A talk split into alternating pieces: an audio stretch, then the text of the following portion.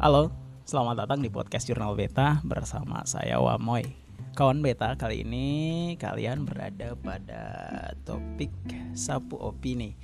Tapi ya, kali ini saya tidak sedang sendirian karena di ujung telepon nanti ada sepunya kawan dari Kabupaten Kaimana yang akan berbagi sedikit cerita tentang atau berbagi sedikit opini tentang apa yang dirasakan setelah pilkada atau baik itu sebelum pilkada sampai pilkada dan setelah sesudah pilkada itu seperti apa yang dirasakan. Di ujung telepon saya akan sambung dengan saya punya teman yang saya kenal dia waktu di Jakarta di Tangerang. Ya, ingatan pertama saya tentang dia adalah ketika saya ketemu dia di depan uh, kampus uh, Universitas Pamulang di daerah Tangerang itu sekitar 6 atau 7 tahun yang lalu. Semoga saja kabar dia sehat-sehat dan uh, kita tanyakan saja langsung ke dia dulu ya.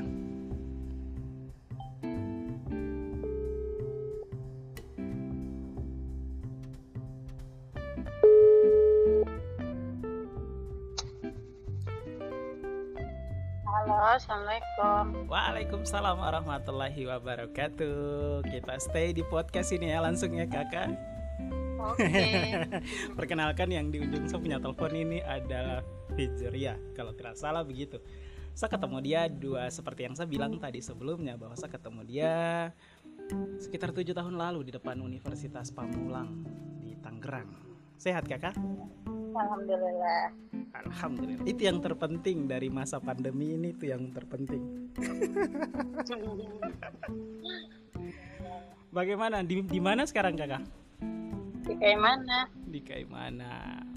Iya, saya lihat di akun di media sosial di Facebook terutama ya, karena kalau ketong di luar ini, ketong hanya bisa lihat orang di media sosial sampai sejauh mana dong bertindak dan don bergerak itu ke mana saja.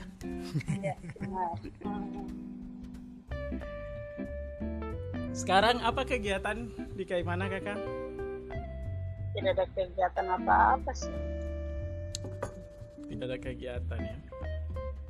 Kayak mana lagi musim hujan, musim hujan, musim angin atau barat ke timur ini? Soalnya kita di sini jarang baca mata angin jadi. Barat kayaknya deh. Oke. Soalnya hujan, angin. Hujan, angin, tapi Hmm. teduh eh. Lumayan sih kalau pagi, kalau pagi teduh, kalau so- sore, kalau sore kan hujan sama angin, jadi tetap saja. Tetap saja dia punya ini masih ini ya. Hmm. Suhu ini kita bergeser ke eh, saya punya pertanyaan sedikit karena eh, saya lihat dari media sosial itu kakak agak sedikit dong bilang apa? Agak sedikit rese. Ada ya orang-orang yang agak sedikit rese lah begitu. Ya, ya. karena dari awal saya lihat dari masa kampanye dan segala macam itu eh, postingan kakak sendiri itu tidak berimbang ke siapa pun itu atau lebih menutup diri untuk memberitahu pilihan politik lah begitu. Itu yang saya lihat ya. Saya tidak tahu kalau itu ada atau tidak begitu. Yang tapi yang saya Iya, iya. pantau dari media sosial di kakak punya Facebook itu seperti itu. Ah terlepas daripada eh, pemilu barulah muncul kebaca nih kalau kakak punya pilihan politik itu ke mana begitu. Eh tahu taunya Iya. ada unggahan inbox dan segala macam. Kakak bisa cerita itu sedikit faktor apa sih bagaimana gitu. Eh, jadi begini, kalau di mana sendiri, kalau khususnya ketong yang anak-anak muda begini, di mana itu dia punya politik itu beda. Kalau kalau misalkan dari awal ketong eh, sudah kita sudah kasih tahu bahwa sudah kasih tunjuk sama dia bahwa ketong pilih Hmm. yang ini. iya punya pilihan Maka nanti- ah. Nah, eh, nanti ke depannya itu kayak misalkan kemarin kalau saya pilih Ibu Rita Hmm. saya pilih Ibu Rita terus eh saya sudah kasih tahu sudah kasih tahu ke media bahwa saya pilih Ibu Rita terus sekarang Ibu Rita kalah kalau yang sekarang pas habis masa kampanye kan Ibu Rita kalah Iya. jadi eh, otomatis di kayak mana itu dia akan macam bagaimana ya? kalau kita mau bilang sistem orang dalamnya itu masih kental jadi apa ya kalau kau telah berjuang berjuang dari awal baru misalnya saya menang berarti kau akan sebuang jauh-jauh nah seperti oh, itu jadi gitu.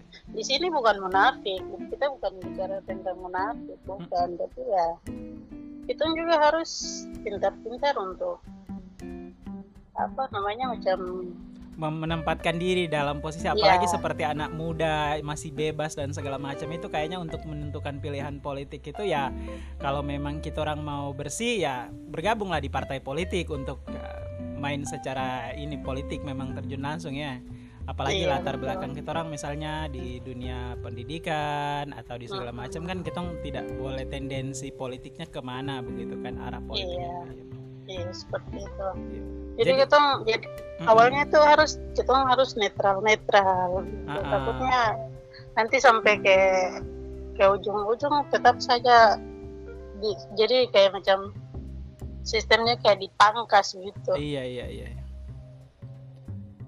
jadi itu problem problem juga sebenarnya karena apa ya kalau kita sendiri saya sendiri pribadi dari 2017 atau pilpres ya dari pilpres eh, di, di sini ya dari pilgub sampai pilpres pil, itu kita sering di lembaga survei itu menyurvei dari orang-orang dan ketika kita orang tanya orang punya uh, tendensi politiknya ke mana ke mana itu ya cenderung merahasiakan itu begitu. Tapi yang saya lihat di kabupaten adalah uh, tidak tahu ya kalau masyarakat yang tidak bermedia sosial tapi kalau di, di media sosial itu rata-rata menunjukkan uh, mereka itu arahnya ke mana. Kalaupun latar belakang mereka itu misalnya tenaga pendidik segala macam yang punya tanggung jawab besar untuk mendidik orang lain ya mereka tidak ragu-ragu untuk melakukan itu gitu. Nah, itu sebenarnya positif sih tapi kalau yang saya lihat daripada Uh, misalnya dia masuk di inbox terus dia beberapa kali ada inbox uh, kalah menang itu bagaimana itu? saya, saya juga tidak tahu. Jujur saya rasa terganggu sekali. Sebenarnya bukan cuma satu inbox itu sih. Ada juga banyak inbox yang masuk. Terus dari awal sebelum pemilihan itu banyak inbox yang masuk. Mungkin karena keton tertutup. Keton tidak mau kasih tunjuk. Keton punya ini begini. begini. Uh -huh. Kayak bagaimana cari tahunya itu sampai pengen ke dalam-dalam gitu. Tapi kan kita tidak mau kasih tahu yang sebenarnya gitu.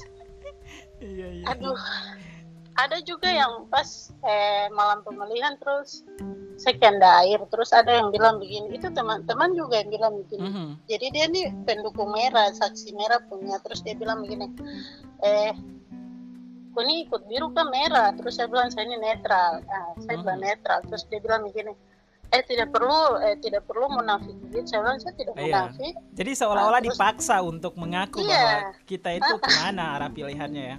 Iya iya, iya jadi saya bilang mungkin saya tidak munafik di sini saya tidak mau apa bagaimana ya tidak mau untuk menampakkan diri terus apa apa nanti jatuhnya itu satu benci satu begitu mm. so tahu politik kayak mana kayak begitu iya. kalau kita kasih tahu begini berarti sudah uh -uh. kita jalan baku pinggir juga tidak ada satu mau tegur satu oh, tidak iya kak belakangan saya lihat kakak di beberapa uh, teman-teman di sana yang mulai uh, up tentang bagaimana pergeseran antara satu orang yang tadi kita keluarga dekat, saudara, bahkan ada di kampung itu ada yang sampai rombak dia punya rumah karena dia punya rumah itu dia bangun di atas tanah yang punya orang atau punya pilihan politik uh, lain dengan dia begitu. Apa iya, jadi, sampai separah itu di Kaimana memang? Sangat sangat. Jadi saya juga kemarin kaget ada ada cerita juga di kompleks ini. Mm -hmm. eh, ada pokoknya masih keluarga lah tapi dia ini pokoknya macam bapak dia dengan tante begitu mm-hmm. eh iya pokoknya ada om tante begitu iya, jadi iya, iya. Uh, yang bapak yang om ini dia punya anak datang tinggal di tante ke rumah iya. eh, jadi tidak tahu yang tante ini kan dia biru terus yang oh yang om ini dia merah nah uh-uh. sudah karena karena yang merah ini kalah sudah yang biru ini usir usir yang merah ini dari rumah keluar. Padahal kan kalau kita mau bilang ih apa sih maksudnya? Kita mau dapat apa juga dari berpolitik itu? biru. Uh, uh, keluarnya tetap keluarga. Mau menang kalah ya tetap saya pun keluarga. Susah senang juga nanti ujung-ujung Iya, keluarga iya. yang datang. Kalau kalau sepri apa ini? Saya mal- malah curiga begini eh, apa ya waktu-waktu pemilihan itu baik pemilihan DPR, pemilihan presiden, pemilihan segala macam itu kan dia punya selang waktu itu dekat-dekatan begitu. Ah. Ini saya, saya, punya apa ya eh, gambaran maksudnya saya, yang saya analisa pribadi maksudnya saya punya apa ya hipotesa sementara lah begitu.